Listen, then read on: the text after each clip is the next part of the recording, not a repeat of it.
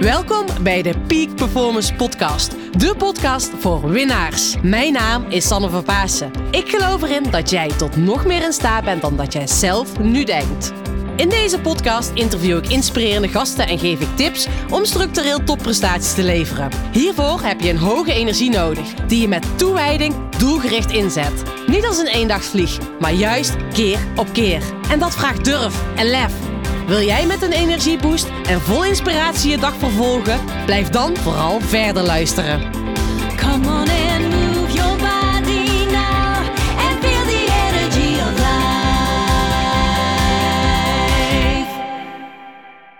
dat je weer luistert naar deze nieuwe aflevering van de Peak Performance Podcast. Met deze podcast ga ik weer een inspirerende gast interviewen, namelijk Martijn van den Berg. En hij neemt ons mee in een hele mooie, bijzondere wereld. De wereld van investeren in vastgoed. Nou, je hebt het misschien wel gezien ondertussen. Ga je dus echt betalen als je te veel geld op je bankrekening hebt staan. En ik geloof er echt in dat het ook super belangrijk is dat je nadenkt over je financiële toekomst om peak performance te leveren. Weet je, financiële rust is daar één belangrijk onderdeel van. Ik zie dat heel veel mensen geen financiële rust ervaren. En daarom is het ook tijd dat ik dus Martijn ging interviewen. Ik ben zelf ook bezig met hoe kan ik nog slimmer eh, investeren. En wie weet gaat vastgoed daar eh, ook een onderdeel van zijn. Ik verwacht het van wel. En daarnaast, nou, we gaan samen het gesprek in hoe jij voor een passief, en in Martijnse woorden, passie-inkomen kan zorgen. Want dat is belangrijk, dat je echt doet wat je leuk vindt. Nou, en dan gaat kijken hoe jij nog moeitelozer kan opschalen en op een ja, makkelijkere manier geld kan verdienen, maar ook geld voor jou aan het werk kan zetten. Ik zou zeggen, ga luisteren. Maar één ding wat ik je mee wil geven, ga niet alleen luisteren. Jij maakt het verschil om het echt te gaan doen. Dus ga vandaag ook nog een klein stapje zetten hoe jij kan bouwen aan je financiële toekomst. Hoe jij voor die financiële vrijheid kan gaan zorgen. En vele kleine stapjes maken uiteindelijk dat je eh, bijdraagt aan een grote stap. Nou, ik zou zeggen, ga het doen en maak even een printscreen. Tag mij, tag Martijn, dat je deze podcast aan het luisteren bent. Want zo kunnen we nog meer mensen inspireren om met hun financiële vrijheid aan de slag te gaan. Veel luisterplezier.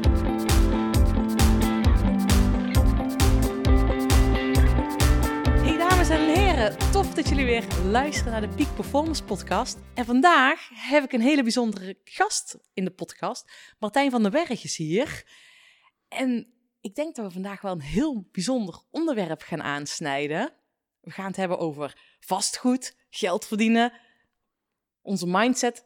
Althans, daar ben ik nieuwsgierig naar, naar van naar jouw verhaal, Martijn. Maar ja, tof dat je hier bent. Ja, dankjewel. Superleuk om hier te, te mogen zijn.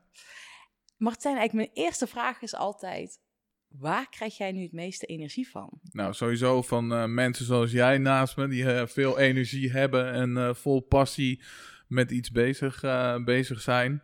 En natuurlijk ook van, van vastgoed. Daar krijg ik veel energie van. Ja, En, want daar ben ik nieuwsgierig naar, want ik heb net even op jouw LinkedIn gespiekt. oké. Oké. maar volgens mij is dat altijd zo geweest? Of hoe is die passie voor vastgoed ontstaan? Nee, dat is, dat is zeker niet altijd zo geweest. Ik moet wel zeggen dat ik eh, toen ik klein was, ik eh, Monopoly een heel erg leuk spel eh, vond. Dus nu weet ik waarom. Hè. Vastgoed is eigenlijk ook... ja, of mo- mo- Monopoly is eigenlijk vastgoed voor, voor, voor volwassenen. Ik kom niet helemaal goed uit mijn woorden. Ehm, nee, dat is zeker niet altijd zo, zo geweest. En, dat, eh, dat is een lang verhaal, maar we hebben de tijd volgens mij. Dus dat vertel ik graag hoe ik bij dat vastgoed ben Ja. gekomen. Eigenlijk eh, ben ik altijd erg ondernemend geweest en was ik goed van jongs af aan in eh, geld verdienen. Ik eh, liep briefjes rondgaan in de klas op school met snoep wat mensen wilden hebben. Ging dat dan halen bij de, de, de, de snoepwinkel en verkocht dat dan voor het dubbele of het driedubbele. De- dat soort dingen deed ik. Alleen ik was nog beter in het uitgeven van geld. Dus Ja. per saldo hield ik niet heel erg veel over. Ja, dat is dan jammer, hè? Dat is dan zeker jammer. En eh, ja, het resultaat was dat ik na mijn studie eigenlijk met een behoorlijke studieschuld zat. Nou, als ik dat voor boeken en studeren had gebruikt, dan was het nog niet zo heel erg geweest. Heb je je studie wel afgerond? Uiteindelijk heb ik mijn derde studie afgerond in vier jaar tijd die ervoor stond. Maar het had even wat eh, voeten in de aarde. maar ja, eh, ik, heb ook veel geld daarvan was gewoon eh, hè, naar feestjes en reisjes en dat soort dingen opgegaan. En mijn eh, toenmalige vriendin, mijn huidige vrouw, die zei van ja, het is eh, heel leuk en aardig, maar voordat wij samen een toekomst gaan opbouwen en gaan trouwen, wil ik dat die schuld weggaat.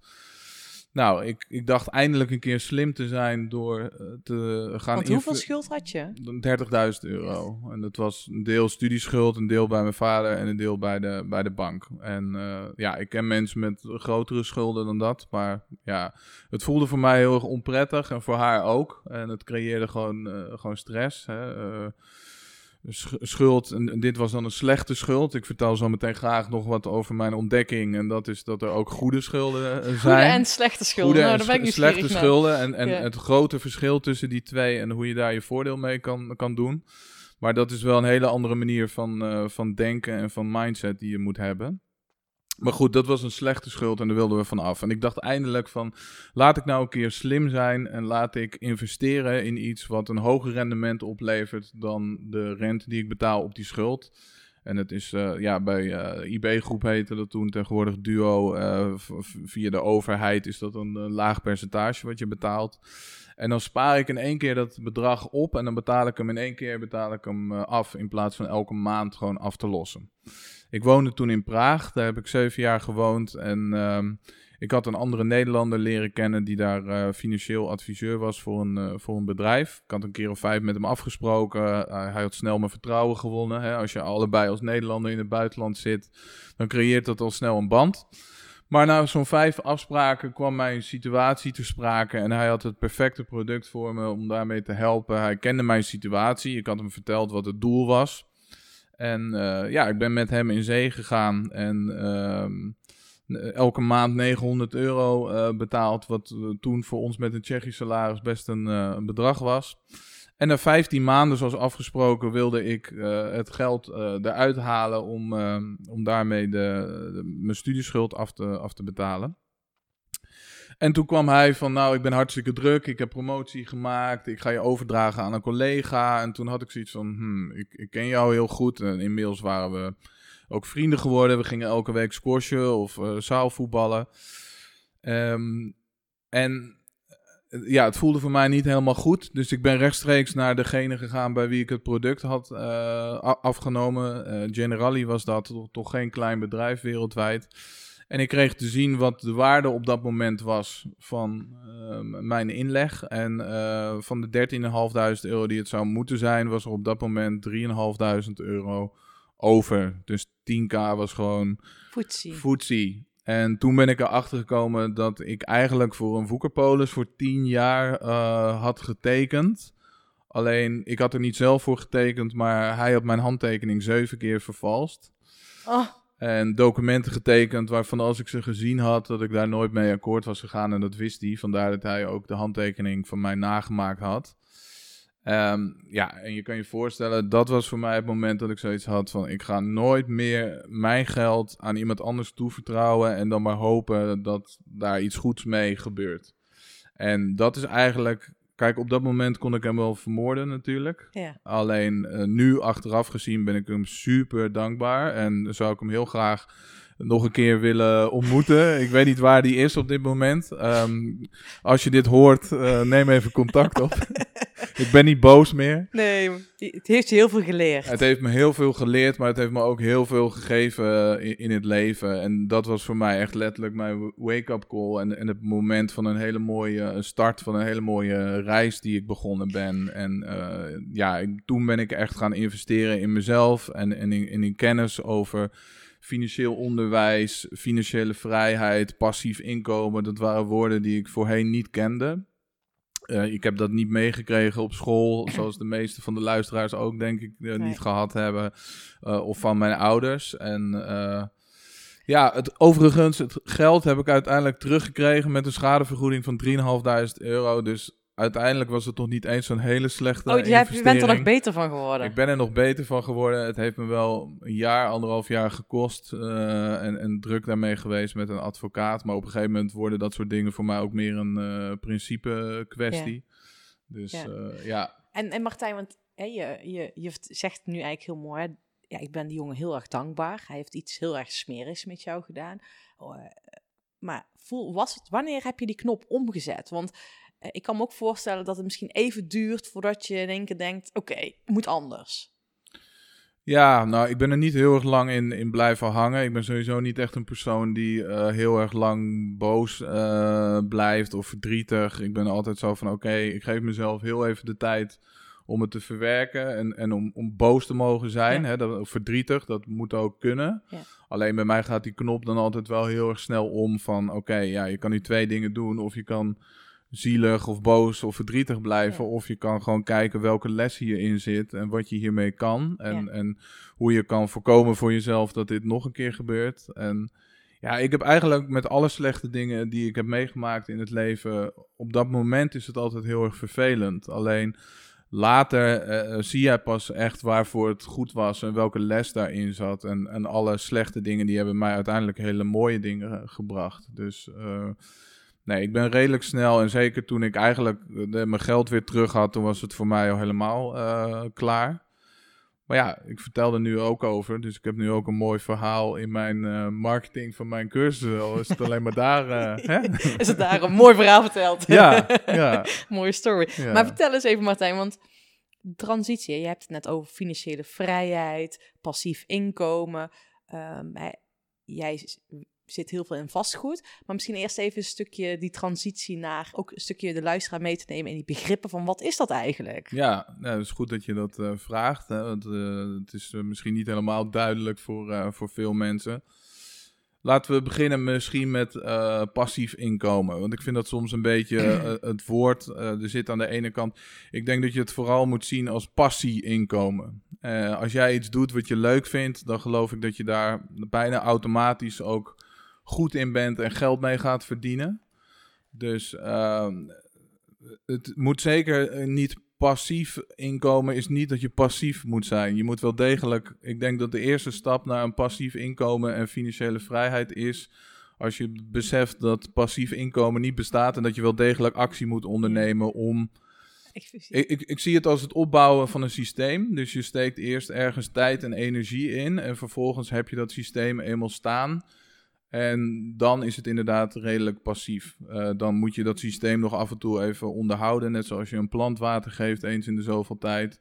Maar dan genereert dat inkomen. En dan kan je eigenlijk weer op zoek naar een andere, andere bron van inkomsten. Naar een ander passief inkomen. vind ik een hele mooie eye-opener dat je zegt inderdaad passie inkomen. Ja, Eh, want dat is het natuurlijk. We denken, veel mensen zijn op zoek naar een passief inkomen Ja. en dan hoeven ze niks meer te doen. Nee. Maar het is uiteindelijk met eh, ja, slim werken en met leuk werk ja, eh, dat je uiteindelijk ja, een inkomstenbron neerzet als Ja. het ware. Ja, nou, ik denk dat jij dat ook eh, gedaan hebt. En ik heb dat nu met, met vastgoed.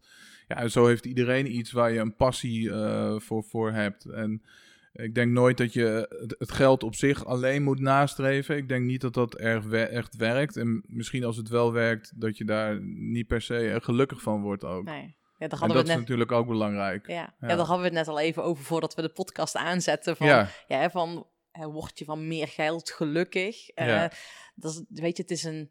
Het is misschien handig, maar dat is niet wat, dat je daar per se per definitie gelukkig van wordt. Je komt Nee. ook heel vaak mensen tegen die veel geld hebben, maar niet gelukkig zijn. Nee, het zijn van die clichés, maar ja, sommige dingen in het leven zijn, eh, zijn niet te koop. Maar ehm, ja, En, en de dus- volgende definitie. de volgende eh, definitie. ja.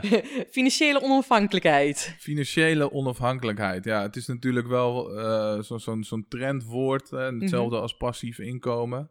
Je werd er een beetje mee doodgegooid. Financieel onafhankelijk zijn of financieel vrij zijn is eigenlijk veel makkelijker dan veel mensen eh, denken. En, en voor mij werd het echt een doel op zich om financieel vrij te zijn. Alleen ik ben er al heel snel achter gekomen dat eigenlijk dat woord financieel wel weggehaald kan worden. Het gaat gewoon puur om het vrij zijn.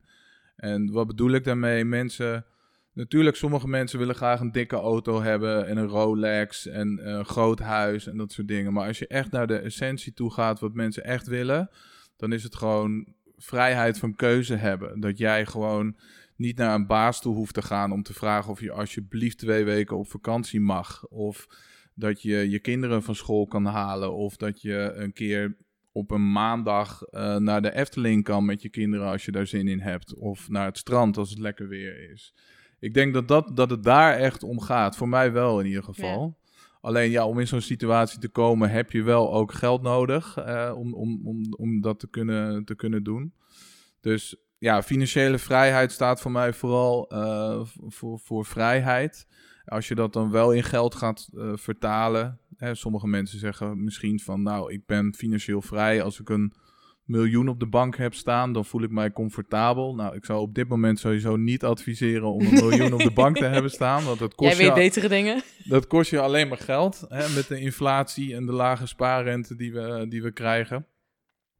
Maar voor mij is het, of eh, eh, als, je, als jouw maandelijkse, jouw huidige maandelijkse lasten en jouw huidige levensstandaard, als die kosten gedekt worden door een passieinkomen of een passief inkomen. En in mijn geval is dat, is dat vanuit vastgoed, Ja. vanuit huurinkomsten van mijn woningen. Ja. Uh, maar dat kan natuurlijk ook heel iets, uh, heel, heel iets anders zijn. Maar als je die definitie gebruikt, dan wordt het al een stuk tastbaarder en haalbaarder. Want ja, sommige mensen, het hangt natuurlijk ook van je levensstandaard en je kosten af.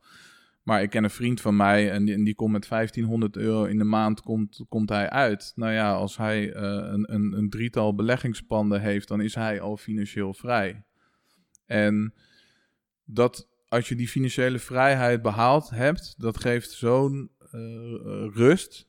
Uh, want je hoeft niet meer per se. Je hoeft niet te werken. Je kan werken omdat je het leuk vindt, omdat je het wil, maar niet omdat het moet. Ja, dat is zo anders. Ja, en dan kan je gaan kijken van oké, okay, maar wat wil ik nou echt en waar ben ik nou echt uh, goed in? En ik, ga ik misschien mijn baas ontslaan en voor mezelf beginnen en mijn eigen onderneming starten? Ja. Of ga ik de wereld rondreizen om, om mezelf beter te leren kennen. Ja. Dus. Heel vet, want je zet, zegt net even tussen neus en lippen door. Hè? Jou, een vriend van jou die heeft maar 1500 euro in de maand nodig. Ja, maar bij mij lag dat getal overigens een stuk hoger. Oh. Hè? De, nee, ja, dat, dat, dat wisselt wat voor financiële verplichtingen je hebt, wat voor een auto je rijdt, uh, wat voor een, uh, wat je levensstandaard is. Ja, hoeveel fietsen je hebt. Nee. Hoeveel fietsen je hebt. ja. Ja. Dat hangt er maar niet Jij van- denkt in fietsen. Ik denk in fietsen, nou ja. Die zijn soms net zo duur als een auto. Ja. Nee, ja. ehm, maar wat ik mooi vind is wat je zegt, hè. Dat inderdaad eh, sowieso... Wat ik heel mooi vind, als ik jouw terminologie hoor, dan denk ik bij mezelf, dan ben ik eigenlijk al gewoon financieel vrij, want ik heb een passie inkomen. dat is toch en, een mooi besef. Ja, dat is, dat is ja. elke keer wat ik denk, wow, ik ben ook heel dankbaar daarvoor. Ja, Uh, maar ook wat ik mooi vind, wat je zegt, dus dat vastgoed eigenlijk in principe drie beleggingspanden al een inkomen kunnen genereren van 1500 euro. Um, dat is relatief, in mijn ogen, dat maakt het echt gewoon heel klein. Ja, inderdaad. En dat maakt het haalbaar. Want als je aan mensen vraagt van hoe groot acht jij de kans dat je snel een miljoen euro op de bank hebt uh, staan en bij elkaar hebt ge gespaard, dan denk ik niet dat heel veel mensen daarin geloven. Nee. Uh, als jij zegt van hè, uh, hoe snel kan jij investeren in drie beleggingspanden, en dan, dan wordt het al een stuk ja. dat mensen erin beginnen gelo te geloven. Ja. En dat is heel erg belangrijk om. Ja. Je moet aan de ene je moet doelen hebben, en, maar je moet er vooral ook in geloven dat ze haalbaar zijn uh, voor jou. Want als jij er niet in gelooft, wa waarom zouden andere mensen dan er wel in geloven? Ja, ja. en die is heel mooi. En um, voordat ik zo meteen ook naar jouw stap ben gegaan, ben ik eerst nog nieuwsgierig. Zijn we nog definities vergeten die interessant zijn om te vermelden? Um, nou ja, ik denk dat buiten passief inkomen en financiële vrijheid, dat dat wel de, de, de belangrijkste definities uh, zijn. Kijk, in het vastgoed zijn er heel veel uh, ja. termen en definities, vaak in het uh, Engels ook. Ja. Maar la laten we die niet erbij halen. Ik denk belangrijk dat het, dat het, dat het is ook. Um, Veel mensen denken ook bijvoorbeeld met vastgoed of als je het hebt over passief inkomen of financiële vrijheid. Wat ik merk is dat het nog heel erg veel onbegrip op, oplevert. En een beetje ook weerstand bij sommige mensen. En dat ze denken van, oh je bent met vastgoed bezig. Dan krijg je natuurlijk al snel uh, pandjesbaas of huisjesmelker. Ja. Dat soort termen naar je hoofd. Dan zei ik, uh, ik wil later huisjesmelker worden. Ja, nou, ik, ik, ik, ik, drijf er ook wel eens de spot mee en zeg het dan gewoon zelf voor, voor de grap. Misschien ga ik ook nog wel gewoon een t-shirt met pandjesbaas of zo erop ja, laten maken. nee, huisjesmelker. Of huisjesmelker. Nee, maar mensen weten, nee. niet, we weten eigenlijk niet wa- waarom dat belangrijk is voor jou. En, en dat, wat ik net ook zei, dat het eigenlijk bij financieel vrij zijn ook niet zozeer om het financieel gaat. Het, het gaat eigenlijk niet om het, om het geld. Het gaat meer om wat je daar vervolgens mee kan, kan doen. En ook wat voor mooie dingen je voor je, voor je omgeving of voor de wereld daarmee kan, eh, kan doen. Ja. Dus ik zie dat veel vastgoedbeleggers een stuk eh, ideologischer zijn dan veel mensen misschien zouden denken. Ja, dat is heel mooi dat je het Ja. zegt. En, en, want je hebt uiteindelijk, hè, om een passieinkomen te genereren, hè, kan je ook op andere manieren doen. Ja. Ehm, hoe ben jij uiteindelijk bij het vastgoed uitgekomen? Ja, goede vraag. Dus nou ja, tijdens die, die, die reis die we begonnen en het bijwonen van seminars en het lezen van boeken en het kijken van YouTube-filmpjes, toen kwamen we er al vrij snel achter dat vastgoed historisch gezien wel een van de beste en meest rendabele beleggingen is die er, eh, die er is. Gezondheid. Dankjewel. En je hebt natuurlijk heel veel andere vormen van beleggen. je aandelen, crypto. ehm, nou ja, ik zag tegenwoordig eh, laatst een, een documentaire met nog eh, duiven, handtassen, whisky. Whisky zag ik ook, ja.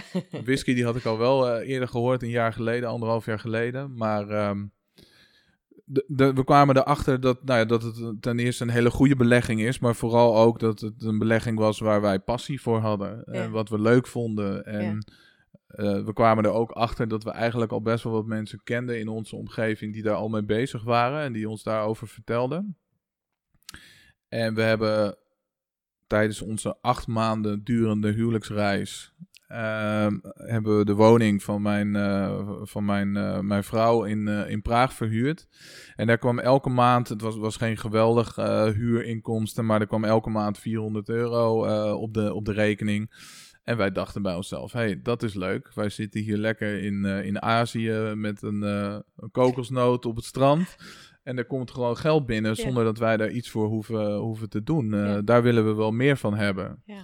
En eh, zo is dat eigenlijk verder gegroeid. En toen zijn we na onze huwelijksreis, want we zijn toen van Tsjechië eh, eh, op huwelijksreis gegaan en van de huwelijksreis naar Nederland. We hadden besloten ons in Nederland weer te gaan vestigen. En we zijn toen begonnen in het huis van mijn vader. En eigenlijk was de afspraak met hem dat we niet te hoge huur zouden betalen, maar dat tijdens de tijd dat we daar woonden, dat we de woning ook onder handen zouden nemen. Eh, dan wel voor de verkoop, dan wel voor ons om er zelf te, te wonen. En toen hebben we eigenlijk ook met vrij beperkte middelen heel veel waarde toegevoegd aan die, aan die woning. Waardoor hij hem uiteindelijk heel makkelijk en voor een goede prijs heeft eh, kunnen, kunnen verkopen. Ja, en zo is dat eigenlijk eh, ge- gegroeid en ontstaan. Ja. Ja, Is dat balletje gaan rollen. is dat balletje gaan rollen, ja. Mooi. En jij vertelt net hè, het stukje, het verhaal over die, hè, dat je dus geld eh, schuld had, een 30.000 euro. Dat je eigenlijk in de verkeerde polis eh, was eh, aangesmeerd als het ware. ja. En na die huwelijksreis. Maar had je toen al dat geld weggeveegd? Had je hem toen al het geld bijgetrokken? Of hoe heb je dat voor elkaar gekregen? Nou, eigenlijk dat ik dat geld uiteindelijk teruggekregen heb en dat het rechtgetrokken was, dat was tijdens die huwelijksreis. Dus daar ben ik zelfs nog mee bezig geweest toen wij gewoon op reis waren. oh, maar je vrouw is dus eerder overstag gegaan. Zei ze eer... Hoe bedoel je? Je zei ja, dat je vrouw zei eh, dat ze niet met jou wilde trouwen als je... Ja, uiteindelijk wel. ze is toch eerder overstag gegaan. ja, ja. Dat, dat hoorde bij de, de, de belofte eh, die ik gedaan heb toen we getrouwd, dat hij nog... Nee, dat was in process. eh, ja, ja. Dus ze wist dat, dat, dat daar aan gewerkt werd en dat dat, dat, dat goed kwam. ja. Nee, ehm, Wat was het moment voor jou dat je besloot om je eerste pand te gaan kopen? Nou, eigenlijk eh, toen we terug waren in Nederland, toen zijn we echt eh, ook nog meer vastgoedcursussen gaan, gaan volgen en, en heel veel kennis opgedaan. En dat was eigenlijk vanaf februari 2018. Toen heb ik echt als een spons al die kennis opgezogen. En ik had zoiets van: oké, ik wil van iedereen leren wat hun strategie is, hoe zij het doen. En dan ga ik kijken wat mijn strategie wordt en hoe ik het ga doen. Maar toen hebben we dat ook al heel snel omgezet in actie. En een paar maanden later, in juni 2018, hebben we ons eerste pand eh, gekocht.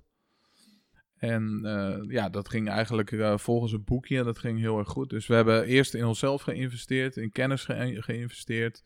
Om vervolgens daarmee het vastgoed in te gaan. Want ik zeg altijd, fouten maken is hartstikke goed. Alleen met vastgoed kunnen het echt wel dure fouten zijn. En de kleine foutjes maken is niet zo erg. En dat, dat zal iedereen ook wel, eh, wel doen. Maar je moet wel echt voorkomen dat je eh, ja, letterlijk kapitale fouten, fouten Ja. maakt. Ja.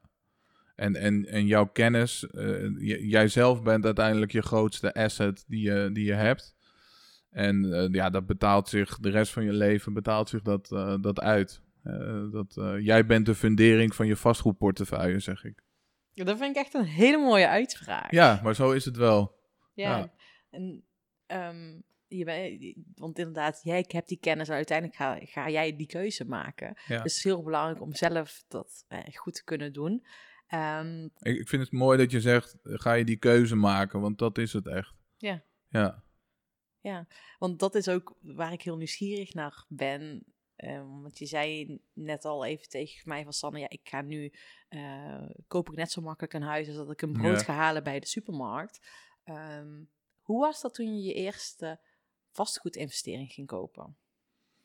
ja het is be- best wel spannend. Het is ook heel anders dan wanneer je een, een woonhuis voor jezelf gaat kopen, want dat is heel erg gebaseerd op emotie. Mhm. Eh, is het een mooie buurt? Is het kindvriendelijk? Eh, ziet het allemaal mooi uit? Maar als jij gaat beleggen, dan moet je echt proberen om je emoties uit te schakelen en je rekenmachine in te schakelen. Het gaat echt puur om de data, het gaat puur om de cijfers. Eh, zijn de rendementen goed? Is de locatie goed? Dat zijn dingen die belangrijk zijn. Dus de eerste woning was best wel eh, spannend. Maar eh, omdat we in onszelf geïnvesteerd hadden en de juiste kennis hadden, was ik best wel, ging, was ik gewoon zelfverzekerd om, eh, om die deal te maken, om die koop te maken. En hebben we ook ons eerste object, zelfs via eh, Funda met een bieden vanaf prijs, eh, onder die bieden vanaf prijs en onder de marktwaarde weten in te kopen. Oh, echt? Ja. Zelfs onder de marktwaarde Ja. en ondanks dat er een bieden van afprijs bij Ja. stond. Ja. Dus ja, uiteindelijk viel dat, viel dat eh, heel erg mee. En, en eh, ik geloof dat eh, een paar dagen... Na, we hadden al een huurder gevonden voordat we hem ook maar bij de notaris geleverd kregen. Dat was ook iets wat we geleerd hadden. Dus eigenlijk een paar dagen nadat we bij de notaris waren geweest... zaten de huurders erin. Verder ook geen moeilijke grote verbouwingen eraan gedaan en zo. Gewoon, ja. En dat kan ik me niet voorstellen. Dus dat er niet, hè, het is wel spannend je eerste, maar zijn er dan bepaalde mindfucks die in je hoofd opkomen? In dat gedurende dat traject? Nou, om heel eerlijk te zijn, niet, niet echt. Ik had, daarvoor heb ik die wel gehad, maar ik Mhm. had al een heel traject gehad dat ik gewoon heel veel in mijn mindset geïnvesteerd had. En dat Ja. die heel erg verbeterd was. En ik Ja. had gewoon een, een duidelijk doel eh, voor ogen. We hadden de kennis. Ja, dan eh, als je mindset goed is, je hebt de kennis. Ja. Ja, dan is het gewoon een kwestie van, eh, van doen en actie ondernemen. En ja, dat, dat, dat, hebben we, dat hebben we gedaan. En je moet niet blijven hangen in dat, in dat analyseren en nadenken. Daar is de markt absoluut ook niet voor op dit moment. Daar heb je de tijd niet voor. Het gaat echt zo snel op dit moment. Hoe, eh, de- dus Ja. Je, ja, je gebruikt een paar uur om, om je huiswerk te doen, om je berekeningen te doen. En dan moet je gewoon weten van ja of nee. En als het een ja is, dan moet je gewoon actie ondernemen. Cool. Ja. En het stukje, wat is dan voor jou belangrijk? Je hebt veel ge- geïnvesteerd in je mindset werken. En dat is in mijn ogen, hè, de metafoor die ik heel vaak gebruik, dat is ook gewoon echt topsporten. Je hebt gewoon die ja, winnaarsmentaliteit of in ieder geval een hele sterke mindset nodig. Ehm, wat is voor jou het verschil geweest? Of wat heeft jou enorm geholpen om een sterke mindset te krijgen? Dat is een goede vraag. Maar ik denk dat in mijn geval waar ik heel erg dankbaar voor ben en waar ik me heel bewust voor ben, is dat het heel erg scheelt dat ik deze ontwikkeling en deze reis samen met mijn partner doormaak. Mhm. En ik hoor vaak verhalen van andere mensen die heel erg met hun mindset bezig zijn of die financieel vrij willen worden, waar de partner een heel ander pad bewandelt. En dan wordt het Mhm. natuurlijk een heel lastig verhaal als de ene de hele tijd met een creditcard staat te zwaaien en de ander graag wil sparen om wat kapitaal op te bouwen om te kunnen investeren. Maar ik, ik heb veel geleerd van, van ja, de, die diverse eh, bekende en minder bekende personen. Michael Pila eh, Pilacic en Anthony Robbins. Een eh, eh, va- vastgoedmentor die ik eh, sinds eh, dit begin 2019 in de arm heb, heb genomen. Die hebben mij heel veel geleerd. En daar heb ik eigenlijk gewoon door mij te omgeven met die, met, met die mentor ook bijvoorbeeld. En met andere mensen die een goede mindset hebben. Ja, dan word je daar een soort van mee besmet. Dan kan je eigenlijk niet anders dan in, in daarin mee te gaan. Ja. Dan ook positief te zijn, duidelijke doelen te stellen, actie te ondernemen. Als jij in, in netwerk, eh, naar netwerkevents gaat of in groepjes zit en je ziet iedereen eh, vastgoed kopen, in, in, in mijn geval, dan denk je, hey, eh, ik moet ook weer even. dus, dus dat helpt, dat helpt ook heel erg. Ja. Ja, dus eigenlijk hè, dat vind ik zo tof, want eigenlijk is het spelletje of je nou topsport doet of dat je onderneemt in welke tak dan ook, of je doet in vastgoed. Ja. Het is heel erg belangrijk dat je dat team om jezelf heen hebt staan van experts en dat je jezelf omringt door gelijkgestemden. ja, Ehm, en ja, want als je niet in die omgeving zit, dan eh, raak je ook minder geïnspireerd. Dat is natuurlijk gewoon eh, Ja. eh, een feit. En eh, ja, en, en ik, ik, ik raak nu voor, vooral, eh, je kijkt altijd naar boven en je kijkt altijd van, ja, waar zijn zij en eh, kan ik daar ook eh, naartoe? En ik probeer altijd te leren van mensen die dat pad al bewandeld hebben en die verder zijn dan, Ja. dan jij zelf. ja. En dan denk ik dat ik grote doelen stel als ik zeg dat ik over vijf jaar minimaal 100 panden wil hebben. Maar dan spreek je met iemand anders die er een paar duizend heeft.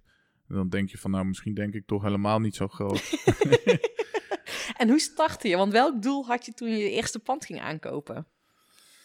Ja, het was misschien toen nog niet heel erg concreet. We hadden zoiets van, ja, we willen graag zo snel mogelijk financieel eh, vrij zijn. En in ieder geval ons eerste pandje kopen, Ja. dat we in de game zitten, zeg Ja. maar. Dat we het spelletje snappen. En ik denk dat we toen uiteindelijk door die mindset een stuk sneller gegroeid en gegaan zijn dan we ook zelf gedacht hadden.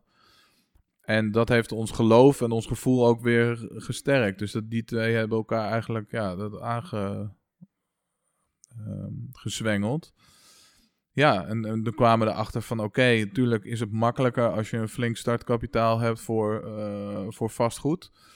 Maar als je de juiste kennis hebt en je de juiste mindset en je neemt actie, dan is er ook, als je wat creatiever bent, is er veel meer eh, mogelijk. Want dat, dat leeft nog steeds bij heel veel mensen en ik snap ook wel waar het vandaan komt. Die denken, vastgoed is heel erg lastig, je hebt er heel veel kennis voor nodig.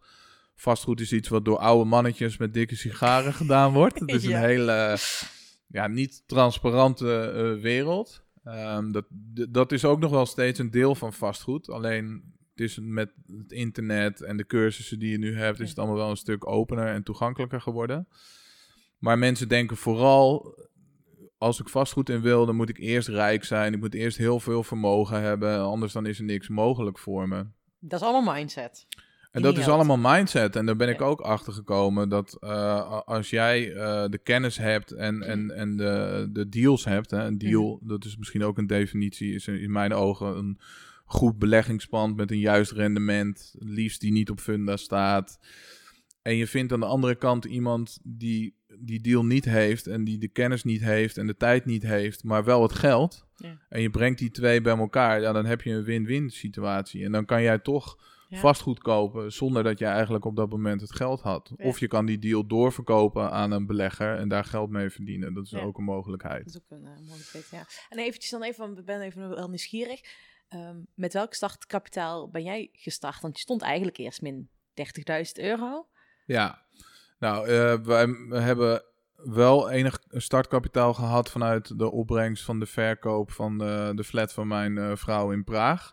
Dus dat hebben wij kunnen gebruiken om, eh, om te starten. Ehm, maar vervolgens zijn wij, ik, ik weet nu, en toen kende ik ook nog, ook nog geen strategieën om vastgoed te kopen zonder geld. Mhm. Maar we hebben ook bijvoorbeeld ja, vastgoed gefinancierd met eh, crowdfunding. eh, waarbij er dus een woning is die wij hebben waar 111 investeerders in zitten. En Sommigen met 250 euro en anderen met 20.000 euro. Maar ehm, ja, Cool. maar je wil natuurlijk een bedrag horen. Ja. nee, ja. nee. Eh, wij begonnen met, met, met iets meer dan 100.000 euro. Dus Ja. dat was wel een aardig, aardig start, startbedrag. En hoeveel panden heb je daar op het begin mee gekocht? Nou ja, je moet rekenen dat, dat kijk, hoeveel panden jij kan kopen, dat hangt er eigenlijk van af eh, waar jij je comfortabel bij voelt en hoeveel risico je wil nemen. Ja. En dan hebben we weer een andere definitie, dat is de LTV, de loan to value. En dat is eigenlijk de, het percentage schuld wat jij op de, hè, de hypotheek die jij hebt op een, Ja. op een, op een woning. Ja, in mijn geval had ik zoiets van, nou, ik ben jong, eh, ik wil graag snel groeien, snel portefeuille opbouwen, want dan heb ik meer cashflow vanuit meerdere panden. Ik heb meer waardestijging van, van die panden. En dan ga ik daarna die eh, schuldenlast afbouwen, zodat het ook in de crisis allemaal letterlijk blijft staan. Dat is natuurlijk ook belangrijk. Want anders, ja, als die woningen onder water komen te staan en je moet geld gaan bijstorten bij die woningen, of je moet woningen gaan verkopen, wat nog veel erger is, dat, dat wil je niet. Ja. Maar ja, stel je gaat uit dat je van, van, van dat je 70, 80 procent wil lenen op, op, een, op een woning, dan, dan kan je jouw eigen vermogen, jouw eigen kapitaal, keer factor 4, 5, kan je aan Mhm. vastgoed kopen.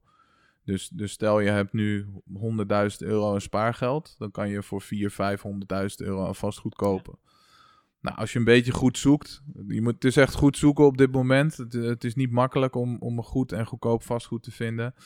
Dan kan je daar in sommige steden nog eh, appartementjes voor, voor 125.000 euro eh, voor, voor kopen. Dan kan je vier appartementjes of zo zou je daarmee kunnen kopen met 100.000 euro. Ja, Ja. dat is best veel.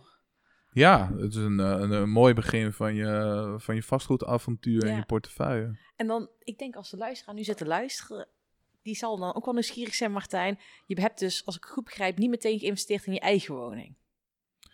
Eh, dat is wel grappig inderdaad, dat wij ons eh, beleggen, eerste beleggingsobject gekocht hebben voordat we ons eigen woonhuis hebben gekocht.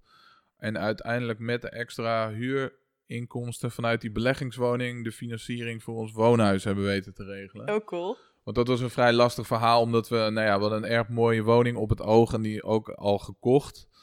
Alleen, we waren net begonnen met ondernemen, dus we hadden nog weinig jaarcijfers en zo. Dus de bank die vond het allemaal, eh, het was, de hypotheek was boven de, de, de NHG, eh, de hypotheekgarantie. En we wilden nogal veel, zeiden ze bij de bank. en ik zei, ja, dat, dat klopt. Maar eh, ja, ik ben er gewoon mee doorgegaan en ik ben geloof ik elf verschillende banken en hypothekers en allemaal afgewezen voordat ik uiteindelijk de, die hypotheek heb weten te regelen. Maar ja, zoals altijd, eh, het is me gelukt. Dus eh, daar gaat het om. Ja. Dat is een mooie mindset, jongens. Hoor je dit? Zoals altijd, het is gelukt. ja, maar ik ben wel echt zo van, gaat het niet linksom, dan gaan we rechtsom. Of eh, ja, Ja. het- a- als je iets, hè, waar een wil is, is een weg. En het lukt, ja, het lukt altijd. Ja, maar dat is ook het mooie. En ehm, ik denk ook, maar ik weet niet hoe jij dat hebt ervaren. Wat voor, wat heb jij vanuit je opvoeding over geld meegekregen? Want ik heb af en toe het gevoel dat sommige mensen er een te zware lading op hebben. Eh, Op geld. ja, Ja, ehm, mijn vader heeft zijn zijn hele leven bij de Nederlandse Bank gewerkt en eh, was eh, econoom. En mijn moeder had en, en heeft niet heel erg veel verstand van, van geld. Maar ik ben meer opgevoed op een manier van zoals zij ook door hun ouders zijn opgevoed. Het was natuurlijk ook een hele andere tijd. Ja. Maar van, ja, je moet voorzichtig omgaan met je geld. Je moet sparen. Geld wat je niet hebt, kan je niet uitgeven. Dat vind ik op zich nog steeds een hele goede om erin te houden. Je ziet nu heel veel mensen gewoon slechte schulden aangaan en, en te dure auto's, vakanties en tv's kopen op afbetaling die ze eigenlijk zich helemaal niet kunnen, kunnen permitteren. Maar dat is een beetje wat ik meegekregen heb vanuit, vanuit huis. En mijn vader bijvoorbeeld, ondanks het feit dat hij echt wel een, een degelijk en goed inkomen ehm, had vanuit zijn eh, werk, werd het geld niet makkelijk uitgegeven en werd er wel redelijk zuinig geleefd. Zonder dat ik ooit absoluut iets tekort gekomen ben. Maar het, het, het stukje ondernemen en dat je in plaats van dat jij voor geld werkt, dat geld ook voor jou kan werken. Dat soort dingen heb ik niet vanuit huis meegekregen. Nee. Nee, nee. nee. ja, wel gaaf hè, dat je dan toch tot die ontdekking bent gekomen dat je dus nu doet wat je doet. Ja, Dat vind ik ja, echt heel vet. ja. Ik had zelf eh, nog bij mezelf... eh, En dat is ook mijn missie nu eigenlijk om in, in de nabije toekomst meer mensen daarover eh, eigenlijk een stuk financieel onderwijs Ja. te geven. Want ik vind het verbazingwekkend dat wij in Nederland bijvoorbeeld op school. Je leert wel economie, je krijgt handelswetenschappen, je krijgt de moeilijkste formules en, eh, over macro- en micro-economie. Maar hoeveel mensen zijn er die gewoon een simpel budget bij, bij kunnen houden voor zichzelf? Ja. Of die weten hoe eh, ja, ze kunnen investeren of kunnen ondernemen. ja. Eh, en, en daar wil ik echt graag wat in eh, veranderen, want ik denk dat dat echt heel erg belangrijk is. En ja, je kan erover discussiëren of, we s- of we bewust eh, van de domme worden gehouden of niet. Maar eh, ja, ik, vind- ik vind dat heel erg eh, jammer. Ik, ik gun heel veel mensen financiële vrijheid, omdat ik weet dat zij dan vanuit hun passie wat kunnen gaan doen. Ja. En ik denk als iedereen zou doen wat hij leuk vindt en waar hij goed in is, dat de hele wereld er een stuk mooier van Ja. zou worden. Ik deel helemaal jouw mening, want dat is echt gewoon zo belangrijk dat je dus dat meekrijgt Ja. en dat je ook daar bewust in die keuzes gaat maken. Want veel mensen weten niet wat voor andere keuzes je kan maken. Ehm, en het is ook het stuk, je hebt ergens een eye-opener gehad, omdat je neus misschien wel heel hard hebt gestoten door, hè, door die ene jongeman eh die die woekerpodes bij jou eh, verkocht had. Ehm, maar er zijn veel mensen die maar een beetje gewoon ja, eh, met de stroom meegaan en niet weten dat het anders kan. Omdat ze nooit, eh, weet je, jij bent misschien wel genoodzaakt geweest. Of bij jou ging er een knop om van, het, volgens mij moet het anders. En veel mensen zijn er niet eens bewust van dat het anders kan. Nee, klopt. Of ze zijn zich wel bewust van, maar het is vaak ehm, dan makkelijker om toch in die situatie Ja. eh, te, te blijven dan iets te, te veranderen. Hè? Ja. Ja, je moet er wel iets voor doen. Het komt niet aanwaaien. Nee. nee. Nee, je moet er echt wel voor doen. En dat is ook ehm, wat ik bij mezelf een stukje weet. En dat heb ik van een paar weken geleden merkte ik bij mezelf. Ik heb heel erg vanuit huis uit. ehm hebben ook wel een stukje, wat jij zegt, moet sparen. Hè? Ook een stukje investeren. Ehm, dat ook. Maar ik heb ook een stukje, je moet wel ergens hard voor werken. Anders krijg je geen geld. En ik weet dat ik. eh, ik was op eh, trainingskamp. ik, ik begeleid voornamelijk ondernemers, maar ik heb een groepje autocoureurs die ik begeleid, topsporters. Ja, En eh, last minute zei er nog één, nee, nog twee gasten af, waardoor ik eigenlijk met één persoon op trainingskamp was. Dus ik was er één op één. En dat voelde zo oncomfortabel voor mij, omdat ik eigenlijk heel weinig hoefde te werken. Of je moet minder hard werken voor mij als er maar één iemand is dan twee. Dus dat ging helemaal tegen, om, tegen mijn mindset in. Je moet ergens hard voor werken, je moet je met- meters maken. Nou, er is ook absoluut niks mis mee om hard te werken. Nee. Hè? Kijk, mensen denken dan van, oké, als je dan eenmaal financieel vrij bent, dan ga je met een cocktail op het strand zitten en dan doe je niks meer. Nee, Maar op een gegeven moment ben je daar wel klaar mee. en ik ben eigenlijk sinds ik financieel vrij eh, ben geworden alleen maar harder gaan werken. Maar ik doe nu iets wat ik leuk vind, dus dan voelt het ook niet Ja. als werk. ja. En ik ik zeg altijd, voor mijn gevoel ben ik nooit vrij, maar voor mijn gevoel werk ik ook nooit. Nee. Het gaat bij mij wel in de avonden, in de weekenden gaat het ook gewoon, eh, gewoon door. Ehm, en dat- ik, ik denk dat ik daar ook wel iets meer werk van moet maken om dat iets meer te gaan scheiden in de toekomst. Nou word ik binnenkort vader, dus ik denk dat dat vanzelf zal gaan, dat ik meer eh, structuur zal krijgen en, en eh, meer de avonden en de weekenden voor mijn gezin zal hebben. En in de nacht. En in de nacht. ja, dus ik zal dan een stuk efficiënter, nog efficiënter met mijn tijd om moeten gaan. De uurtjes Ja. die, ik, die ik heb. Eh, en maar met, hard werken op zich is niks Nee. mis. Alleen het is niet zo dat het een formule is van hoe harder je werkt of hoe meer uren je werkt in de week, dat je dan ook aut- automatisch meer gaat verdienen. Nee, je moet vooral slim werken, je tijd besteden aan dingen, aan je klanten die het meeste geld opleveren en ook de meeste je, je energie waard, eh, waard zijn. Dus ja. ja, en systemen bouwen voor jezelf die geld op, Ja. eh, opleveren. Want wat, wat bedoel je dan precies met een systeem bouwen? Nou ja, een systeem bouwen, dat, dat is iets eh, met een passief inkomen waar je eenmalig of voor een bepaalde periode eh, tijd in, steekt. Als je het over vastgoed hebt, is dat het traject van een woning zoeken, onderhandelingen doen, een bod doen, de woning aankopen, misschien verbouwen en vervolgens verhuren. Kijk, op het moment dat een huurder erin zit en ik de sleutels, eh, je de sleutels ge- geeft, dat doet een beheerder, dan eh, is het eigenlijk de hele cyclus is, is klaar en dan kan je weer op eh, naar, de, naar de volgende. Ehm, en dan kan je weer een nieuw systeem voor jezelf eh, gaan bouwen. Maar als jij, ja, als je meerdere van die systemen hebt en, en ook meerdere inkomstenbronnen, hè, dat, zorg alsjeblieft dat je niet afhankelijk bent van één inkomstenbron, want als die droog valt, dan heb je gewoon een probleem. Ja, dan ehm, kan dat heel erg ehm, ja, helpen. En, want dan ben ik dan even nieuwsgierig naar welke meerdere inkomstenbronnen heb jij zelf dan? Ik heb eh, de- inkomstenbronnen. Ik heb eh, inkomen uit eh, mijn onderneming, uit, Mhm. uit werk. Dat zijn de, de vastgoedworkshops en trainingen die ik, die ik geef. Ik heb inkomen uit huurinkomsten. Ja, kijk, er zijn heel veel verschillende inkomstenbronnen die je kan, kan hebben. Je kan een, eh, een boek schrijven en daar wat inkomsten uit hebben. Al is dat niet eh, heel erg veel tegenwoordig, heb ik me laten vertellen. Eh, denk aan dividendaandelen. Ik ken heel veel jongeren, heel veel vrienden van mij, die zijn heel succesvol met e-commerce. Die verkopen op, op Bol. En dat doen ze dan naast hun studie of naast hun werk. Dus ja, de, de, de gemiddelde miljonair heeft meer dan vijf verschillende inkomstenbronnen.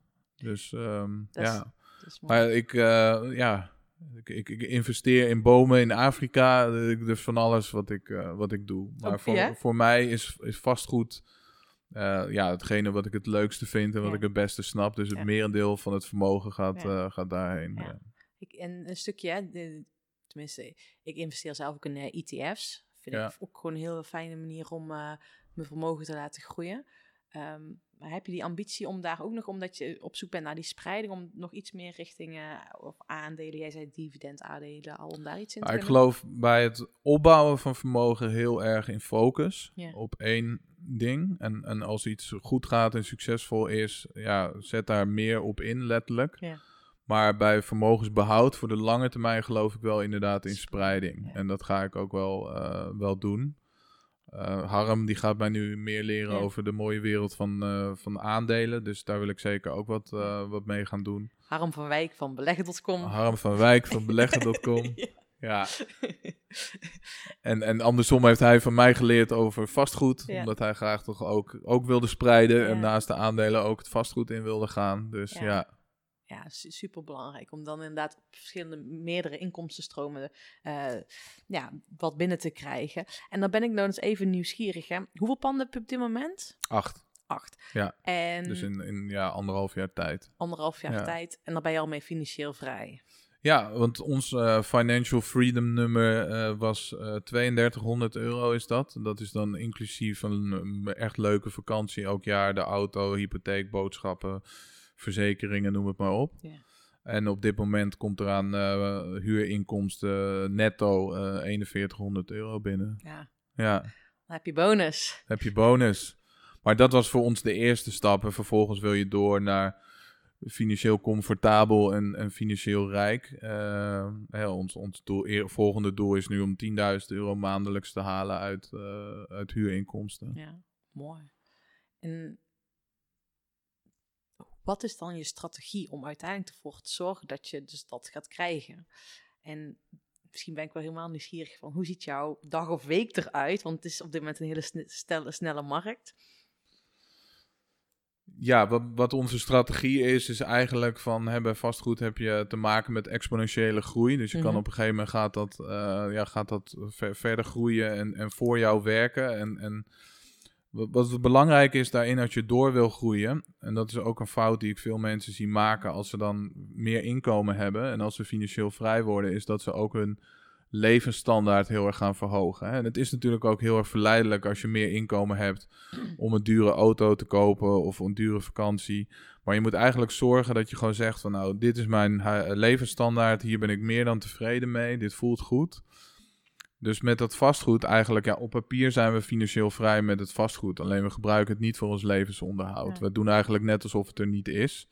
En die positieve cashflow, die herinvesteren we weer in onze woningen. Dan wel eh, het betalen van de kosten kopen van een woning of een verbouwing of aflossen van de, van de, van de hypotheken, van de leningen. Dus de, de, wat dat betreft moet je, ja eigenlijk, je hebt het wel, maar je hebt het niet. Nee. Dus je moet daar niet, eh, niet aankomen. Jezelf niet rijk rekenen. Jezelf niet rijk rekenen. Nee. En, en eh, kom je weer, hè, we gewoon meerdere inkomstenbronnen bronnen hebben. Maar onze strategie is eigenlijk, eh, ja, dus, dus je kan op een gegeven moment, zeg maar, als je probeert elk jaar te verdubbelen. Dus, dus hè, we gaan er nu acht panden, dan, ja, als we dit jaar dan aan het eind van het jaar 16 zouden kunnen hebben of zo, dat zou heel erg mooi zijn. Ja. Maar ook om steeds groter te denken. En ik blijf ook mijn mindset nog verder verbeteren. Dus ik denk nu bij mezelf van ja, oké, die appartementen en die eengezinswoningen, dat is hartstikke leuk. Maar kunnen we niet eens gaan kijken of gaan denken of we een kantoorgebouw kunnen gaan herontwikkelen en daar appartementen in kunnen gaan maken? Of kunnen we niet een keer een blokje van acht woningen tegelijk kopen? Want eigenlijk is het traject hetzelfde, alleen de getallen zijn wat groter. Maar ja, dat zijn gewoon een paar nullen die daarachter staan. Ja. En dat is een stuk efficiënter. En heb ik daar het geld voor op dit moment? Nee. Maar als ik een goed plan heb en dat aan iemand kan presenteren, kan ik dan iemand vinden die dat geld wel heeft en daarin wil participeren? Ja. Ja. Dus ja, ge- gewoon in, in mogelijkheden denken en eh, jezelf steeds willen verbeteren, een stapje verder willen gaan. Met elk project weer wat, proberen, wat nieuws proberen eh, te, te, te leren. Ja, je gaat, je gaat als het ware elke keer een stukje soort van comfortabel uit je comfortzone. Dus je gaat elke Ja. keer een stukje weer verder challengen. Ja, ik denk dat het grootste gevaar is dat je op een gegeven moment gewoon lui wordt en, en in de, dat je comfortzone wel groter is geworden, maar dat je hem niet nog groter blijft maken en weer nieuwe uitdagingen voor jezelf aangaat en zo. Ja. Wat was de tweede vraag? Want het waren twee vragen in één. Ja, hoe, je, hoe jouw week eruit ziet, vooral in de huidige markt, Ja, eh, ben ik er heel erg nieuwsgierig naar. Omdat gewoon af en toe gewoon... eh, oh, het huis is ook al verkocht. Oh, stond u überhaupt te koop, weet je? Nou, dat. ja, het allerleukste om eerlijk te zijn vind ik gewoon om erop uit te gaan en eh, potentiële deals te, te, te vinden. Of er gesprekken aan te gaan met, met mensen. En, Ga je dan gewoon de straat op? Of, Nou ja, ik, ik heb zelf veel succes gehad met, eh, met flyers. eh, dat de flyers eh, verspreid werden eh, voor mij. En dat eh, mensen je vervolgens bellen dat ze hun huis willen, willen verkopen. Dat zijn dan vaak zogeheten gemotiveerde verkopers. Die, die dus eigenlijk in een stresssituatie zitten, waardoor ze snel een huis moeten verkopen. Dat kan zijn dat ze gaan emigreren of dat ze ja, heel vervelend eh, in scheiding liggen. Of het huis van hun ouders die gestorven zijn hebben geërfd. Nou ja, de Belastingdienst die staat altijd als eerste op de, op de stoep. Ehm, en zo kan je toch onder de marktwaarde nog woningen inkopen. Ehm, dus, dus dat vind ik eigenlijk het leukste. Maar op dit moment, ja, mijn week eh, ziet er vrij rommelig uit. Het is eigenlijk een combinatie van tijd en aandacht besteden aan mijn cursisten. En maandagavond heb ik bijvoorbeeld een, een coaching call. Ehm, ik, ik ben bezig met het ontwikkelen van de nieuwe eh, online eh, academy. Dus daar gaat ook wat, eh, wat tijd in zitten. Wat klussen aan de babykamer, dat moet ook gebeuren. ik, kan niet alleen maar met, eh, met, ander man, met, met extern vastgoed bezig zijn. Dus ja, het is een, een beetje een, een, een mix eh, Ja. daarvan. en het zoeken naar de juiste deals. Van, eh, Ja, dat is iets toch. Kijk, er zijn nu heel veel dingen die ik uitbesteed heb. eh, van verbouwingen, eh, beheer, dat is allemaal uit, uitbesteed. Maar goed, het, het aankopen van het vastgoed, dat is iets wat je nog echt wel, wel zelf moet, ja, moet doen. ja, leuk, Ja. Leuk man. En dus is echt gewoon super gevarieerd met van alles. En toen je zegt ook, ik geef workshops. Dus dat is ook wel... eh, ik ga binnenkort ook bij jou een workshop volgen. Dus Ja. ik kijk er echt naar uit om daar naartoe te gaan. Straks op het begin van het interview zei jij... Goede en slechte leningen. Goede en slechte schuld. Oh, schulden, ja, Ja, ja. leningen, ja, Ja, schuld. ja. Schuld, ja. Wat is Ja. nu een slechte schuld en wat is een goede schuld? Ja, een slechte schuld is eigenlijk een schuld die jouw vermogen doet afnemen omdat die geld kost. Mm. Hè, denk aan een, eh, een creditcard bijvoorbeeld. Of ja, eigenlijk op het moment dat jij geld uitgeeft wat je niet hebt, maar dat geld dat gebruik je om een, ja, een luxe goed eh, te kopen. Wat eigenlijk, hè, een vakantie is hartstikke leuk, maar dat is ja, eh, afgelopen. Dat, is niet iets voor de lange termijn waar je wat aan, aan hebt. Dus dat, dat ver- verlaagt jouw vermogen. En een goede schuld aan de andere kant is een, een schuld waarmee jij geld eh, verdient, waarmee je geld maakt. Dus als jij geld leent bij een bank en jij koopt daar vervolgens vastgoed mee en dat levert jou een mooi rendement op elke maand. Een hoger rendement dan het rentepercentage wat je aan de bank betaalt, dan maak je eigenlijk geld op het vermogen, op het geld van iemand anders. En je kan je voorstellen dat voor mij met mijn ervaring met die slechte schuld waar ik van af wilde, die stress gaf, dat dit wel een, een proces was waar ik eventjes doorheen moest om dit in te zien. Maar mijn mentor die zei ook tegen mij van Martijn, er zijn ja, goede schulden en er zijn slechte schulden. En de mensen die het verschil tussen die twee weten, die zijn al rijk of zullen rijk worden. En het is ook waar, als, ik, als je kijkt naar veel succesvolle, rijke mensen eh, in het vastgoed, maar ook daarbuiten die hebben hun vermogen, hun rijkdom opgebouwd op het geld van anderen. Hè. Denk aan een eh, Robert Kiyosaki of een, een Donald Trump. Of eh, ja, die, die, die, die hebben dat spelletje goed doorgehad, zeg maar. Ja. Ja. En dat vind ik heel mooi wat je zegt. Hè? Dus eh, een goede schuld levert geld op. Maar hoe kijk jij er dan tegenaan, tegen je eigen, ik kijk al naar boven, tegen je eigen huis? Van, is het dan een goede schuld? Want Je woonhuis. Ja, mijn woonhuis. Ja, heel veel mensen denken of zeggen dat, eh, dat, dat ze eh, investeren in vastgoed. Of dat, ja, dat hun woonhuis een goede schuld is. Maar in mijn ogen is het geen goede Nee. schuld. Nee. Het is wel voor veel mensen zo dat het een goede manier is om een soort van vermogen op te bouwen. Vaak zonder dat ze het weten, omdat je natuurlijk ook aflost met je hypotheek eh, tegenwoordig. En eh, sommige mensen nu heel veel overwaarde in hun woning hebben zitten. Maar het is niet iets wat je maandelijks cashflow oplevert. Het, het is nog steeds geld. Ja, er komt geen geld Ja. uit, uit binnen. En geld moet in beweging zijn. Geld is energie. Eh, geld houdt er niet van om ergens te vast te zitten, te lang. Dan zal het een weg zoeken om ergens naartoe te gaan. En ja, dus. ehm, maar om nog even terug te komen op dat. Veel mensen zeggen ook altijd van ja, met geld maak je geld.